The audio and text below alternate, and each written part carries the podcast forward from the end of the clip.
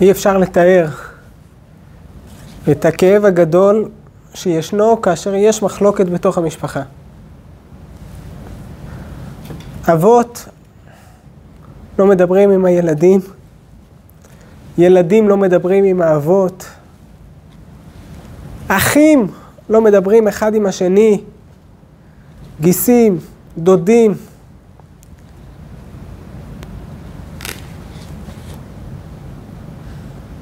כל זה במחלוקת רגילה.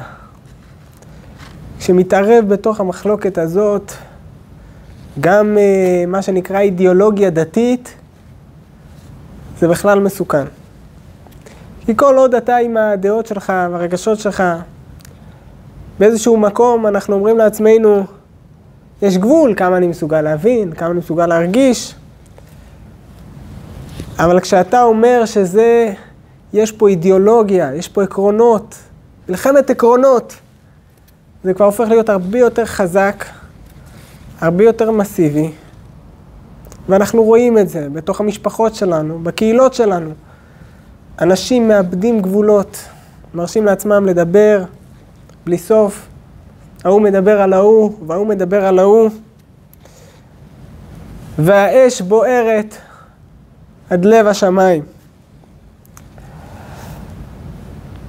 רבי משה בן מימון, הרמב"ם, בצוואה שכתב לבנו טרם הסתלקותו, אחד הדברים שהוא ראה לנכון, לומר לבנו, ערב הסתלקותו, זה להזהיר אותו מדבר אחד שנקרא מחלוקת. כותב הרמב"ם לבנו בצבא במילים האלה: ראיתי עטרות שיער שהלבינו ללא עת. ראיתי שיער שהלבין קודם זמנו. ראיתי משפחות שנספו. שרים שהוסרו מגדולתם. ערים גדולות שנתערערו. קיבוצים שנפרדו, חסידים שנפסדו, אנשי אמונה שעבדו, נכבדים שנתבזו, והכל בגלל המחלוקת. מסיים הרמב"ם בצוואה לבנו, נביאים ניבאו, חכמים חכמו, ופילוסופים הוסיפו לספוד את רעת המחלוקת, ולמרות כל מה שהם כתבו, עדיין לא הגיעו לקצה תכליתה. מסיים הרמב"ם ואומר לבניו, על כן, שנאו אותה, נוסו מפניה, רחקו מכל אוהביה, פן תיספו גם אתם בחטאתם, מזהיר הרמב"ם את בניו מרוע המחלוקת, נוסו מפניה, אל תשקצו את נפשותיכם במחלוקת. המכלה את הגוף, את הנפש ואת הממון. מדרש רבה בפרשת במדבר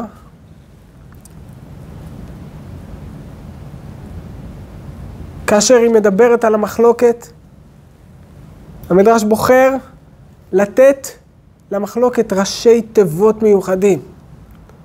אומר המדרש, שהמחלוקת ראשי תיבות, מכה, חולי, ליקוי, קללה ותועבה. דברים קשים. בספר דרך ארץ זוטה,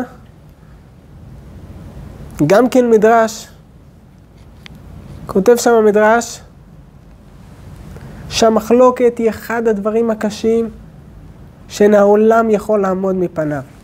העולם לא יכול לעמוד מפני הדבר הזה שנקרא מחלוקת. אחד המקומות הבודדים שאנחנו מוצאים, שנענשו לא רק הנשים ונשים, אלא נענשו גם טף, זה היה במחלוקת קורח ועדתו. חז"ל אומרים במסכת סנהדרין, שבית דין של מעלה עונשים מגיל 20. בית דין של מטה עונשים מגיל 13. מגיל מצוות. והמקום היחיד שבו נענשו, אחד המקומות היחידים, הבודדים, שנענשו גם ילדים קטנים, זה היה במחלוקת קורח ועדתו. ששם נכנסו, פתחה האדמה את פיה, ובלע את קורח ואת כל עדתו, הם ונשיהם, בניהם וטפם, כולם נספו בעוון המחלוקת. אומר המהר"ל, מה קרה במחלוקת קורח? מה מיוחד במחלוקת קורח? ששם נענשו גם הטף? מסביר המהר"ל, זה לא עונש. זו תוצאה. תוצאה. המחלוקת והגיהנום נבראו באותו יום. ביום השני למעשה בראשית. אומר המהר"ל, תדע לך שמחלוקת וגיהינום זו מהות אחת. וכל אדם שנוגע במחלוקת, כל אדם שמתקרב למחלוקת, מתקרב לשערי גיהנום. לא היה פה איזשהו עונש שהקדוש ברוך הוא אמר, מידת הדין אמרה, שמכיוון שהיה מחלוקת במילא גם הטף ראויים להיענש, אלא מכיוון שהיה כאן נגיעה במחלוקת. מחלוקת וגיהנום זו מהות אחת, זו מקשה אחת. וכל מי שנוגע במחלוקת נכנס לשערי גיהנום. זה התיאור שנותן המהר"ל בפירושו לפרקי אבות. חז"ל מרחיקים את המחלוקת, שוללים את המחלוקת מכל וכול.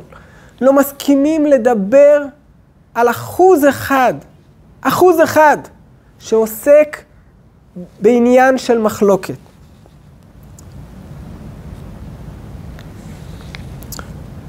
כמו שכותב הרמב"ם, נוסו מפניה, רחקו מכל אוהביה, פן תיספו גם אתם בחטאתם. חוץ ממחלוקת אחת. יש מחלוקת אחת שאותה חז"ל לא שוללים. ולא רק שחז"ל לא שוללים את המחלוקת הזו, אלא חז"ל מגבים אותה, מדרבנים אותה, יוזמים אותה בעצמם. איזה מחלוקת? זו מחלוקת לשם שמיים. מחלוקת שהיא לשם שמיים, חז"ל אומרים, זו מחלוקת ראויה. הכרחי המחלוקת הזו. חז"ל נותנים לה את הברכה בפרקי אבות, כל מחלוקת שהיא לשם שמיים סופה להתקיים, אומרים חז"ל. אני מעודד אותך במחלוקת הזאת. מחלוקת לשם שמיים, זו מחלוקת חריגה מיוחדת.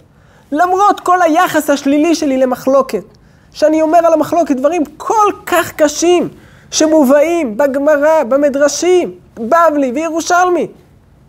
כשמגיע למחלוקת לשם שמיים, אומרים חז"ל פה, זו מחלוקת מיוחדת, זו מחלוקת שאני מעודד, זו מחלוקת שאני מגבה.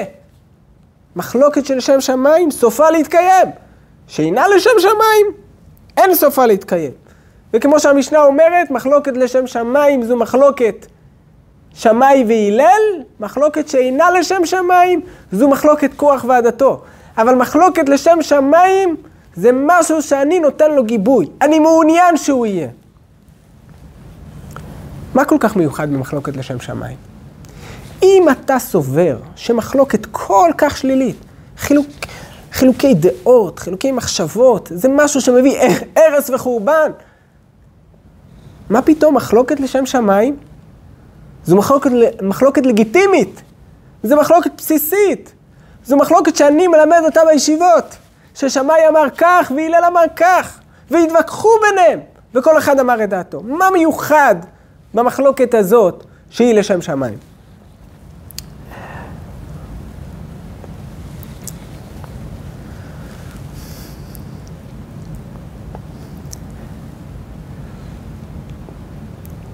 הרבי מלובביץ', במשך שנות נשיאותו,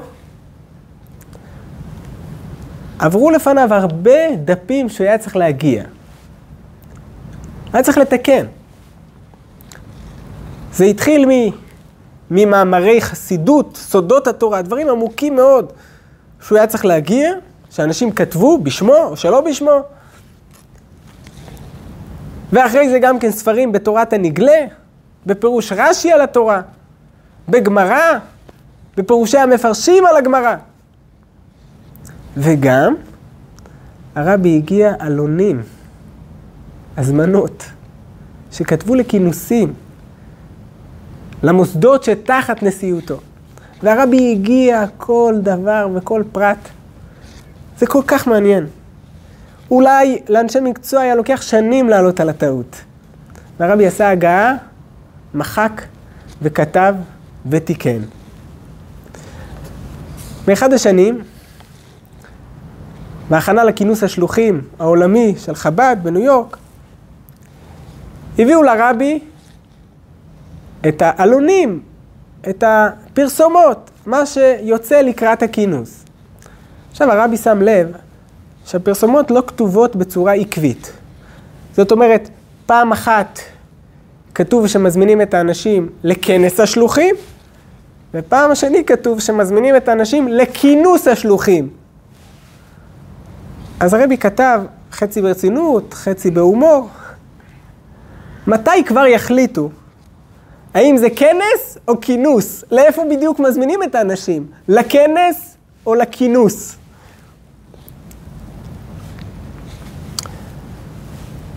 בפרק ד' בפרקי אבות, פרק אחד לפני פרק ה', ששם כתוב כל מחלוקת שהיא לשם שמיים סופה להתקיים, פרק אחד קודם, כתוב בשם רבי יוחנן הסנדלר, שרבי יוחנן הסנדלר אומר, כל כנסייה שהיא לשם שמיים, סופה להתקיים. ושאינה לשם שמיים, אין סופה להתקיים. אנחנו יודעים כינוס, אנחנו יודעים כנס. מה זה כנסייה? מה זה הלשון הזו כנסייה? באחד השיחות הרבי התייחס למילה הזו, כנסייה. הרבי הסביר דבר מעניין מאוד. הרבי הסביר שהמשמעות של כנס או כינוס, המשמעות היא שאתה אוסף קבוצה של אנשים תחת דגל אחד. מטרה אחת משותפת לכולם, וסביב הדגל הזה כולם נשארים, כולם נמצאים סביב האידיאולוגיה הזו, הדרך הזו, סגנון המחשבה הזה. זה הפירוש כנס. כן, יש במשנה כינוס של מים, בהלכות מקוואות, מקום כינוס של מים. כשאתה מכנס מים למקום אחד, מטרת, מטרתך היא שהמים יישארו באותו המקום. אמר הרבי, כשאני רוצה לדבר על כינוס שהוא לשם שמיים, אתה חושב לרגע שהמטרה שלי שכולם יישארו כאן? באותו ההלך רוח? באותו המחשבה? באותו הסגנון? הקדוש ברוך הוא רוצה שיפעלו את פעולתו בעולם. וידע כל פעול כי אתה פעלתו, ויבין כל יצור כי אתה יצרתו. כל יצור וכל פעול יש לו סגנון משלו, יש לו דרך משלו. ובשביל זה הקדוש ברוך הוא הוריד ריבוי של סגנונות, ריבוי של נשמות, שכל אחת יש לה סגנון חשיבה מיוחד. כל אחת יש לה רגש מיוחד, שהיא יכולה להשפיע באותו המקום, באותו הנישה. אמר הרבי, כשהמשנה אומרת כל כנסייה לשם שמיים סופה להתקיים, היא לא אומרת כנס, היא לא אומרת כינוס, כי היא לא מתכוונת שכולם יישארו כאן סביב רוח אחת, סביב סגנון אחד, סביב מחשבה אחת, ובזה הם ילכו. אלא היא אומרת כנסייה, כנסייה אמר הרבי, זה משהו כזה חד פעמי. כמו, אמר לחמנייה. יש לחם, יש לחמנייה. זה משהו כזה עדין יותר. אני מתכוונת שיש פה איזשהו כינוס חד פעמי, שמתאספים ריבוי של אנשים מכל העולם כולו, אם זה בנוגע לכינוס השלוחים, וזה נותן אנרגיה וכוח לכל אחד להמשיך בשליחות שלו, בסגנון שלו, במחשבה שלו, ברגשות שלו. זה לא בא לומר שכולם מתאספים סביב רעיון אחד ורגש אחד הוא מטרה אחת. הכנס הזה נותן כוח ונותן אנרגיה כדי שאחר כך כל אחד ישוב למקומו, לתפקידו, הוא יפעל לפי סגנון המחשבה שלו, מה שהקדוש ברוך הוא נתן לו, בשביל שהוא יצליח לפעול את השליחות שלו בעולם הזה עלי אדמות. ולכן, מיד אחרי זה בפרק ה', כן? אותו פרקי אבות שאומר לך שכל כנסייה, התאספות שהיא לשם שמיים, סופה להתקיים, אותו הפרק אומר לך, תדע לך, אל תישאר בכנסייה שהיא לשם שמיים. תמשיך הלאה. איך ממשיכים הלאה? מחלוקת שהיא לשם שמיים. אני רוצה שאתה תהיה חלוק מהשני. כי אם אתה זהה כמו השני, במה אתה מיוחד? במה אתה יכול לבצע את השליחות שלך? אני נתתי לך כישרונות מסוימים ודרך מסוימת וסגנון חשיבה מסוים כדי שאתה תפעל על אנשים שה... שהאדם השני לא יכול לפעול. אז אומרת המשנה, כל כנסייה שהיא לשם שמיים סופה להתקיים. אבל מתי? ברגע שעל ידי הכנסייה הזו, הכוח שניתן, כאשר כולם מתאספים ביחד, שכל אחד חוזר למקומו, הוא מבצע את תפקידו, ובמילא גם כן כל מחלוקת שהיא לשם שמיים, סופה להתקיים. אנחנו רואים את זה היום במוחש. לפני זמן לא רב, לפני עשר שנים, עשרים שנה, אולי שלושים שנה, אדם שהיה לו מפעל, והיה תחתיו עשרות או מאות של פועלים. מה היה סגנון החשיבה של בעל המפעל או בעל החברה? מה היה סגנון החשיבה שלו? אני בעל הבית, והפועלים האלה זה הידיים שלי, הרגליים שלי. הם יבצעו מה שאני אומר. אחרת המפעל לא יצליח, נכון? אז יש לי פה מאה, מאה ידיים ורגליים. או אם זה מאה פועלים, יש לי פה 200 ידיים ורגליים. והם צריכים לעשות מה שאני אומר, וככה המפעל יוכל להצליח. היום, בדור שלנו, החשיבה השתנתה לגמרי.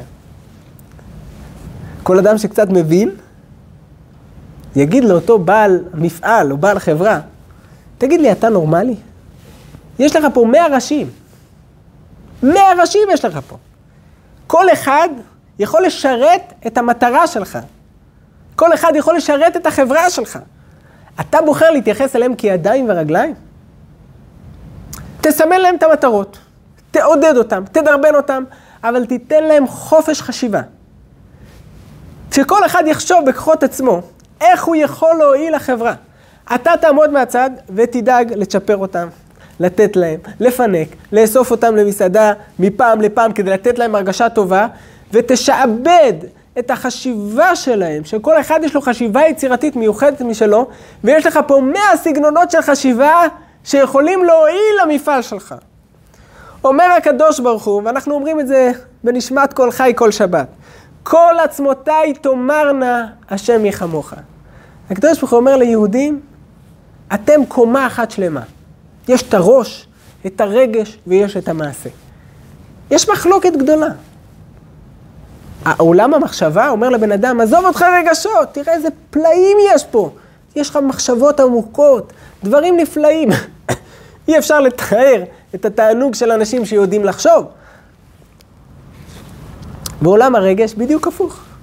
אומר לאדם, מה אתה חושב? יש לך פה עולם שלם, מגוון, של רגשות. אתה יודע שעל ידי מיתר אחד של, של גיטרה או של כינור אפשר להגיע לעצם הנשמה? מה אתה יושב, משכיל כל מיני השכלות, תעצום עיניים, תנגן ניגון.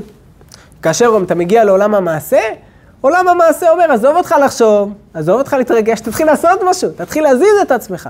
יש פה מחלוקת עקרונית. הראש אומר משהו אחד, הרגש אומר משהו שני, והמעשה, כוח המעשה של האדם אומר דבר שלישי.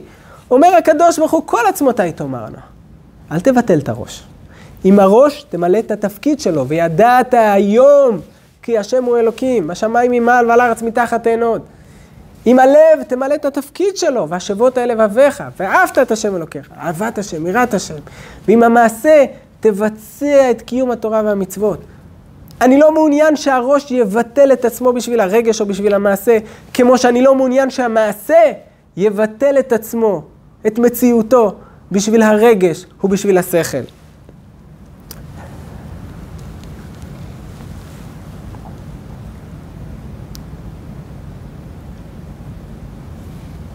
לפני למעלה מ-70 שנה, בקום המדינה,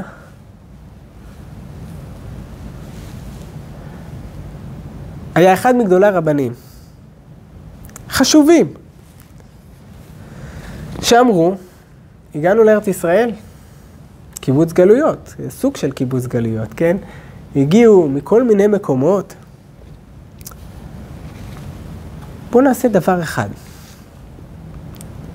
דרך אחת, סידור אחד, נוסח אחד, שחיטה אחת, חופה אחת. נלך בדרך אחת. ניקח את כל עם ישראל תחת דגל אחד. דגל של הרבנות הראשית, או רבנים אחרים, שיקבעו סדר אחד לכולם. תימנים, מרוקאים, אשכנזים, אלג'ירים, לא משנה. כולם יהיו תחת דגל אחד. עמדו נגדו גדולי הרבנים, בראשם היה הרב פסח צבי פרנק, עמד ואמר לאותו רב, אמר לו, אם אתה תבטל, הרב פסח צבי פרנק היה אשכנזי, אמר לו, אם אתה תבטל את השחיטה של הספרדים, אני אקים כשרות מיוחדת שתשחוט בשבילהם, לפי השיטה שלהם. כל עצמותיי תאמרנה השם יחמוך. הקדוש ברוך הוא מעוניין שיעבדו אותו באופן הזה ובאופן הזה. ערוך השולחן כותב בהקדמה לספרו, ספר ערוך השולחן, רבי יחיאל מיכאל אפשטיין, כותב בהקדמה לספרו, כאשר הוא מדבר על חילוקי המנהגים בעם ישראל. אומר ערוך השולחן, בוא תתאר לעצמך לרגע, כינור שמנגן עם מיתר אחד. היית מסוגל לשמוע את זה? מי היה מסוגל לשמוע כינור או גיטרה עם מיתר אחד? מנגן יפה מאוד, אבל עם מיתר אחד. אף אחד לא היה מסוגל לשמוע. אומר ערוך השולחן, ריבוי המיתרים גורם את ההנאה והתענוג למעלה. הקדוש ברוך הוא מעוניין בראש, הקדוש ברוך הוא מעוניין ברגש, והקדוש ברוך הוא מעוניין במעשה. וזה מה שאומרת המשנה, כל מחלוקת שהיא לשם שמיים סופה להתקיים. אני מוכנה שיהיה כנסייה לשם שמיים, אבל משהו חד פעמי. כנסייה, לא כנס ולא כינוס. כנסייה אני מוכנה. משהו לשם שמיים שייתן את האנרגיה, ייתן את הכוח. ריבוי יהודים מתאספים ביחד במקום אחד, איזה אנרגיה יש בזה. אבל בסופו של דבר, כל אחד חוזר לתפקידו, לקהילתו, לבית, לביתו, ומבצע את השליחות שלו לפי סגנון החשיבה והרגש, מה שהוא חושב. אז נכון שכל כנסייה שהיא לשם שמיים סופה להתקיים, אבל המטרה היא שבסוף יהיה מחלוקת לשם שמיים. ובזה הקדוש ברוך הוא, ככה המפעל, המפעל ותכלית הכוונה של הקדוש ברוך הוא בבריאת העולם, יוכל, יוכל להתבצע.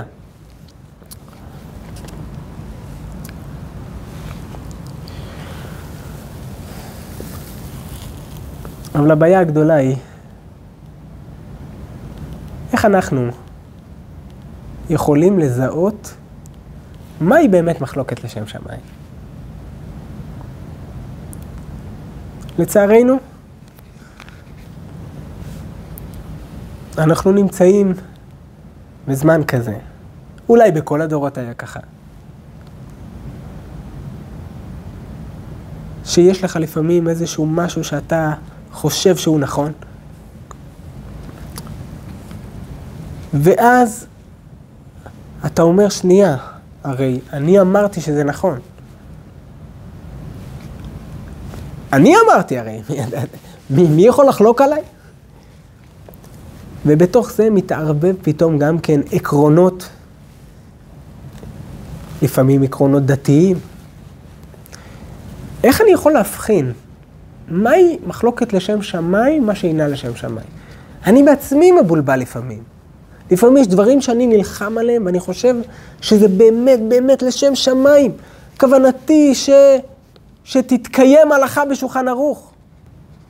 אבל אולי מעורב בזה קצת רגשות אישיים, אולי מעורב בזה קצת ישות, קצת גאווה. אולי המטרה היא לא שיתבצע מה שכתוב בשולחן ערוך, אלא שיתבצע איך אני חושב שהשולחן ערוך אמר. איך אני יכול לזהות? מה הם כלי האבחון שלי, שאני יכול לזהות איפה המחלוקת לשם שמיים ואיפה לא?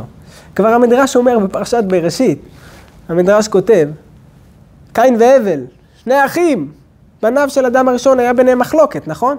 כתוב, ויהי בהיותם בשדה, ויקום קין על הבל אחיו, ויהרגהו. ויהי בהיותם בשדה.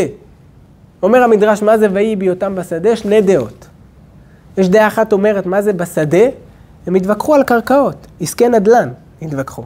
קין אומר, פה זה השטח שלי, תסמן פה, והבל אומר, פה זה השטח שלי, כל העולם לפניהם, כן? קין והבל.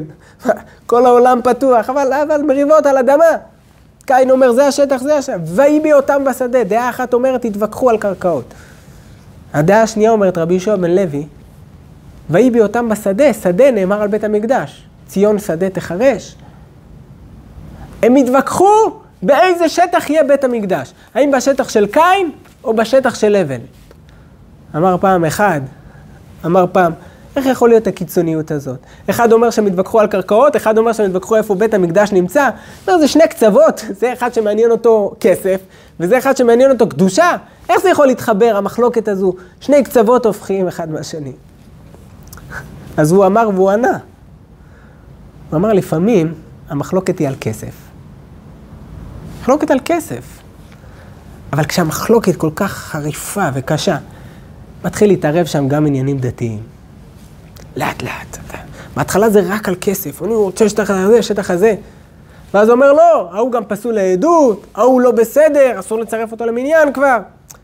אז בהתחלה התחילו מחלוקת של קרקעות, פתאום בית המקדש גם, בית המקדש גם נכנס לתמונה. איך אנחנו יכולים לזהות בעצמנו ובאחרים מהי מחלוקת לשם שמיים ומהי מחלוקת שאינה לשם שמיים.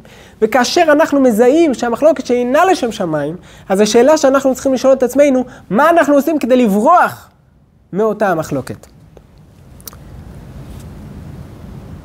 יש שלוש כלי אבחון שמובאים בספרים. דבר ראשון, לאיפה היעד? איפה המטרה? אם המחלוקת הזאת גורמת לפירוד. בסופו של דבר, בשורה התחתונה, המחלוקת הזו מביאה אותך למקום שאתה אומר, אני לא רוצה לראות את האדם הזה מול העיניים שלי. יש לך מחלוקת אידיאולוגית איתו. אתה חולק איתו אידיאולוגית, אתה חושב כך והוא חושב אחרת, אתה מציג את עמדתך. אבל אתה אומר, אני לא רוצה לראות את האדם שחושב אחרת ממני. אם זה מגיע למקום כזה, תדע לך שזו מחלוקת שאינה לשם שמיים.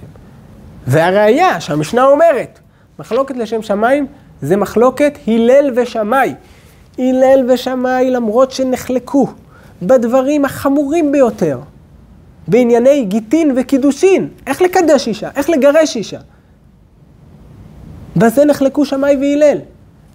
אומרת הגמרא במסכת יבמות, למרות זאת לא נמנעו להתחתן אחד עם השני. למרות ששמאי חשב שהגט שניתן לדעת בית הלל, הוא גט לא כשר, והאישה הזאת אשת איש. זה לא מנע ממנו להתחתן עם בנותיהם של הלל, של בית הלל. למרות שהוא חשב ככה. זאת אומרת שזו מחלוקת לשם שמיים, המחלוקת הזאת לא הביאה לפירוד. במבחן המעשה, התחתנו אחד עם השני.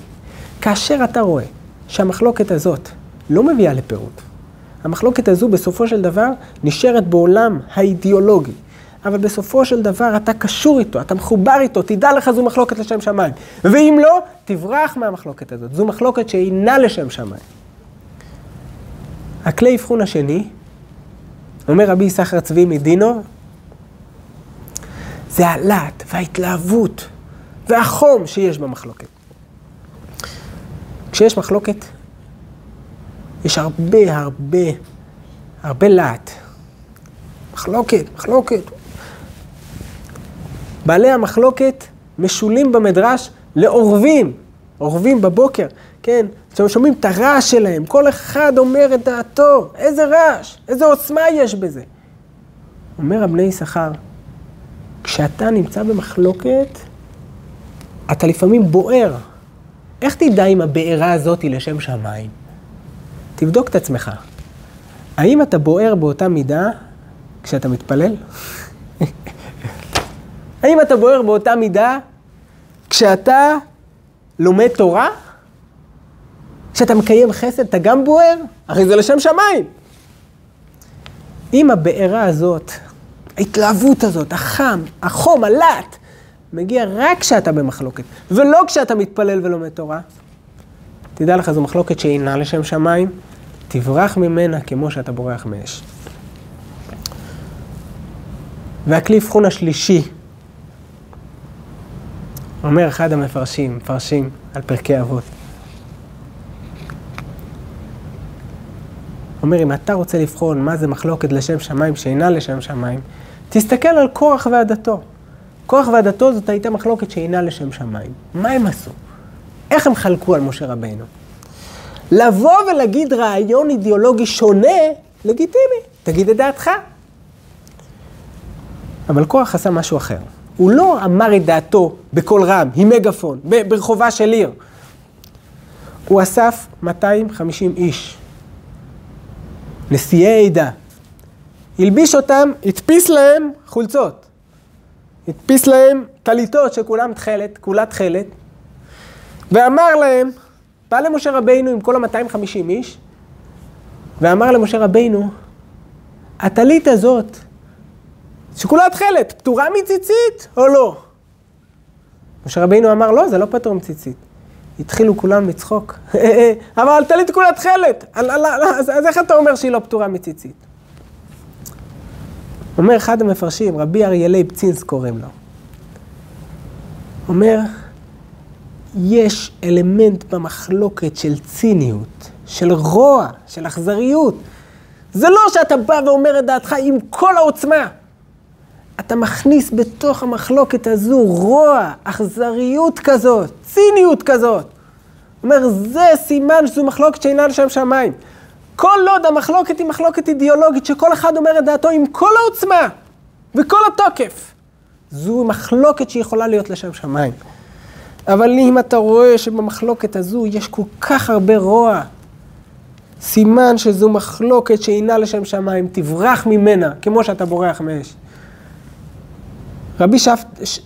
שבתאי שפטל הלוי הורוביץ, בן דודו של השלה הקדוש, רבי ישעיהו הלוי הורוביץ, כותב בספר שלו שפע טל, בהקדמה לספר שלו, כותב על מה שאנחנו אומרים כל יום בסיום התפילה. אנחנו אומרים, תלמידי חכמים מרבים שלום בעולם. אומר השפע טל, מה זה תלמידי חכמים מרבים שלום בעולם? אמר לי פעם איזה מישהו, זה בדיחה שכתובה בתפילה, אמר לי מישהו פעם, רחמנא ליצלן. אמר לי, תלמידי חכמים מרבים שלום בעולם, תראה איזה מחלוקת. כל שני וחמישי אחד כותב על השני פרשקווילים, זה אומר לא טוב, זה אומר לא טוב. מה פירוש המשפט, תלמידי חכמים מרבים שלום בעולם? אומר השפע טל, תלמידי חכמים מרבים שלום בעולם, לא סתם המשנה דייקה. תלמידי חכמים מרבים שלום בעולם. אדם שמחזיק את עצמו כתלמיד, הוא אומר את דעתו, הוא אומר את דעתו, אבל הוא אומר את דעתו כמו תלמיד, בלי רוע, בלי אכזריות, כמו תלמיד שאומר את דעתו, מתווכח עם הרב, הוא אומר את דעתו תלמיד כמו תלמיד, כאשר הוא תלמיד חכם, לא כתוב חכמים מרבים שלום בעולם, תלמידי חכמים מרבים שלום בעולם. אומר רבי אריה לייב צינס, כאשר המחלוקת נאמרת בצורה כזו שהיא נקייה מכל רוע, מכל אכזריות, מציניות, זו סימן שזו מחלוקת לשם שמיים, וסופה להתקיים. אבל אם המחלוקת הזאת מעורבת ברוע, באכזריות, בציניות, זו מחלוקת שאינה לשם שמיים, וצריך לברוח ממנה, כמו שבורחים מאש. לפני למעלה מ-60 שנה, היה סיפור שסיפר אותו הרב שלמה זלמן נוירבך. הגאון רבי שלמה זלמן נוירבך, שהיום הפסיקות שלו מקובלות אה, על כל חכמי ישראל. הוא היה יהודי שכאשר הוא התחיל את דרך הפסיקה שלו, לא תמיד היו אנשים שנהנו מהפסיקות שלו. ישנם כמה סיפורים מזעזעים שהיה בתחילת דרכו, עד שהוא נכנס להיות פוסק שמקובל על כל, על כל בני ישראל. באחד הפעמים נכנס אליו יהודי לבית שלו וראה רצה לשאול שאלה. הוא ראה שסביבו עומדים אברכים, ומדברים איתו בצורה קצת חצופה. רבי שלמה זלמן אוירבך. מדברים איתו, היה איזה פסק דין שהוא פסק, משהו שלא בדיוק התאים לרוח שלהם. אז הם דיברו איתו בצורה קצת לא מכובדת. והרב שלמה זלמן אוירבך יושב, שותק, לא מתייחס. ממשיך לשוחח איתם, לדבר איתם, כאילו שום דבר לא קרה. עכשיו זה היה בולט, לא היה אפשר להתעלם מזה. אותו יהודי חיכה שהאברכים האלה ילכו, ואחרי זה הוא, הוא שאל את הרב שלמה זלמן אוירבך, תגיד לי, מאיפה הכוחות האלה? איך יש לך כוחות? אתה רואה אנשים עומדים מולך, מדברים איתך בצורה לא מכובדת, לא ראויה, יש לך מה לענות להם, יש לך הוכחות. אתה ישבת, בדקת את הדברים לפני שפסקת את הדין, ואתה יושב ושותק. מאיפה הכוחות האלה? אז הוא אמר לאותו יהודי, תשמע, אני רוצה לספר לך סיפור שאני חוויתי בנערותי. והסיפור הזה נתן לי כוח למה שראית עכשיו. הוא אומר שכשהייתי נער, אני זוכר, הוא היה גר בירושלים, אני זוכר שהגיע לכאן, לירושלים, חתנו של החפץ חיים, קראו לו רבי אהרון כהן. חתנו של החפץ חיים הגיע להתגורר כאן בירושלים. כל חכמי ירושלים, עשירי ירושלים, כולם שמחו שמחה גדולה, חתנו של החפץ חיים, תלמיד חכם עצום, הולך לבוא, להתגורר אצלנו, וואו, כמה מיוחד, בוא נדאג לו, שיהיה לו את הבית כנסת, יהיה לו את הכולל איפה שילמד, יהיה לו בית, דאגו לו להכל. הוא הגיע לירושלים, הוא בחר לגור בשכונת שערי חסד, בירושלים. הוא גר שם שבוע, שבועיים, שלוש, ארבע, ואחרי כמה שבועות הבן אדם נעלם. לא רואים אותו.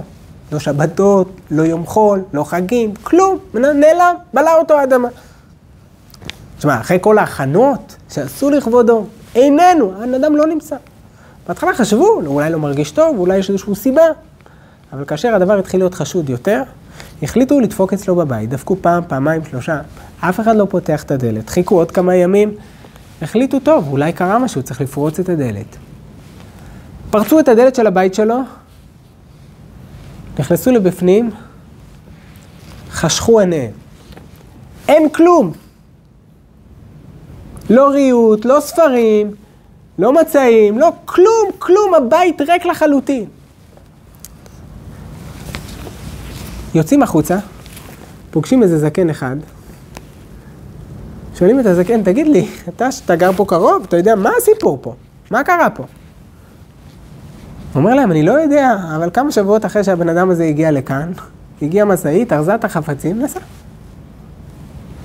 התחילו לחפש אותו בכל הארץ, איפה הוא נמצא, איפה הוא נמצא, פרסמו, מצאו אותו ביפו. מתגורר ביפו. באו אליו, אמרו לו, רבינו, אנחנו כל כך, אה, איך אומרים, חיכינו לך כל כך הרבה שאתה תגיע, ארגנו לך מקום, ארגנו לך הכל, מה הלכת? אמר להם רבי אהרון כהן, לפני שנפרדתי מחמי החפץ חיים, ואמרתי לו שאני עולה לארץ הקודש, אני עולה לארץ ישראל. שאלתי אותו איפה לגור. אמרתי לו, יש ירושלים, יפו, צפת, איפה אתה ממליץ לי לגור? הוא אמר לי, תשמע, לא משנה איפה שתגור, אם אתה שומע שיש מחלוקת, תברח כמו שבורחים מאש. אחרי שהוא אמר לי את הדברים האלה, נתתי לו תקיעת כף. התקיעת כף הזו, זאת הייתה הבטחה שאני הולך לקיים את מה שהוא אמר לי. הגעתי לשכונת שערי חסד, היה נפלא ביום הראשון, השני, השלישי, בחודש הראשון, בחודש השני. אבל פתאום, ויהי בחודש השלישי, מתחיל מחלוקת. הגבאים עם הרב והקהילה והבית כנסת, בלאגן. אמרתי, ממקום כזה אני בורח. הרסתי את החפצים שלי, באותו הלילה הזמנתי משאית, הרסתי את החפצים, והיום אני מתגורר ביפו. אמר רבי שלמה זלמן נוירבך לאותו יהודי, אתה שואל אותי, מה הכוח שלי להיות כל כך שאנן, כל כך רגוע, כאשר אני שומע מחלוקת? הכוח שלי זה רבי אהרון כהן, שהגיע לכאן לירושלים בשעה שהייתי נער. כאן אנחנו רואים שיש שני סוגים של בריחה. רבי אהרון כהן בחר לברוח בצורה פיזית. הוא פשוט ארז את החפצים שלו ועזב למקום אחר. רבי שלמה זלמן אוירבך אומר, לברוח זה לאו דווקא לארוז את החפצים וללכת. גם להתעלם. להתעלם לחלוטין מהמצב של המחלוקת שנמצא מסביב. זה גם כן סוג של בריכה. וזה המסר שלנו לימים האלה. אנחנו נמצאים בימי בין המצרים. שכולנו צריכים להתחזק בתחום הזה של המחלוקת. אם אנחנו מזהים שישנה מחלוקת שאינה לשם שמיים, דהיינו, מחלוקת שגורמת לפירוד, מחלוקת שהבעירה הגדולה שיש זה רק בשעת המחלוקת, בשעת התפילה זה לא קיים, בשעת הלימוד זה לא קיים. והדבר השלישי, מחלוקת עם רוע, מחלוקת עם ציניות, שזה האבן הבוחן למחלוקת שאינה לשם שמיים. כאשר רואים דבר כזה צריך לברוח כמו מאש. והבריחה היא לאו דווקא בלארוז את החפצים וללכת. הבריחה היא להתעלם. אתה קם בבוקר, יש מחלוקת סביבך, יש אנשים שלא בדיוק אהבו מה שאמרת, לא בדיוק אוהבים את הסגנון שלך. אתה מתנהל כרגיל, כאילו אין כלום. מבחינתך, בוקר טוב, צהריים טובים, ערב טוב, ההתנהלות שלך לחלוטין רגילה. ומדובר לא רק על מחלוקת בקהילה, גם מחלוקת בתוך המשפחה, גם מחלוקת בין אבות וילדים, או בין ילדים לאבות, או בין אחים, או בין גיסים, או בין גיסים, או בין דודים. אתה ממשיך כרגיל, לא משנה אם המחלוקת היא על ירושה, או מחלוקת אידיאולוגית, המחלוקת עקרונית, או כל מיני שמות שאפשר לקרוא למחלוקת. האופן שבו אתה מתנהל, אתה בורח ממחלוקת. מחלוקת היא אש ואתה בורח ממנה. והבריחה שלך היא ההתנהלות שלך, אתה מתנהל בצורה רגילה לחלוטין, כאילו אין כלום. קם בבוקר, ערב טוב, מה נשמע, מה שלומכם, מתעלם לחלוטין מהמצב הנתון שנמצא, שנמצא סביבך. זוהי בריחה ממחלוקת. אם המחלוקת היא לשם שמיים, אז אתה תדבר עליה, תעודד אותה, כי זו מחלוקת שלא גורמת לפירוד. אבל מחלוקת שאינה לשם שמיים, אתה מתעלם.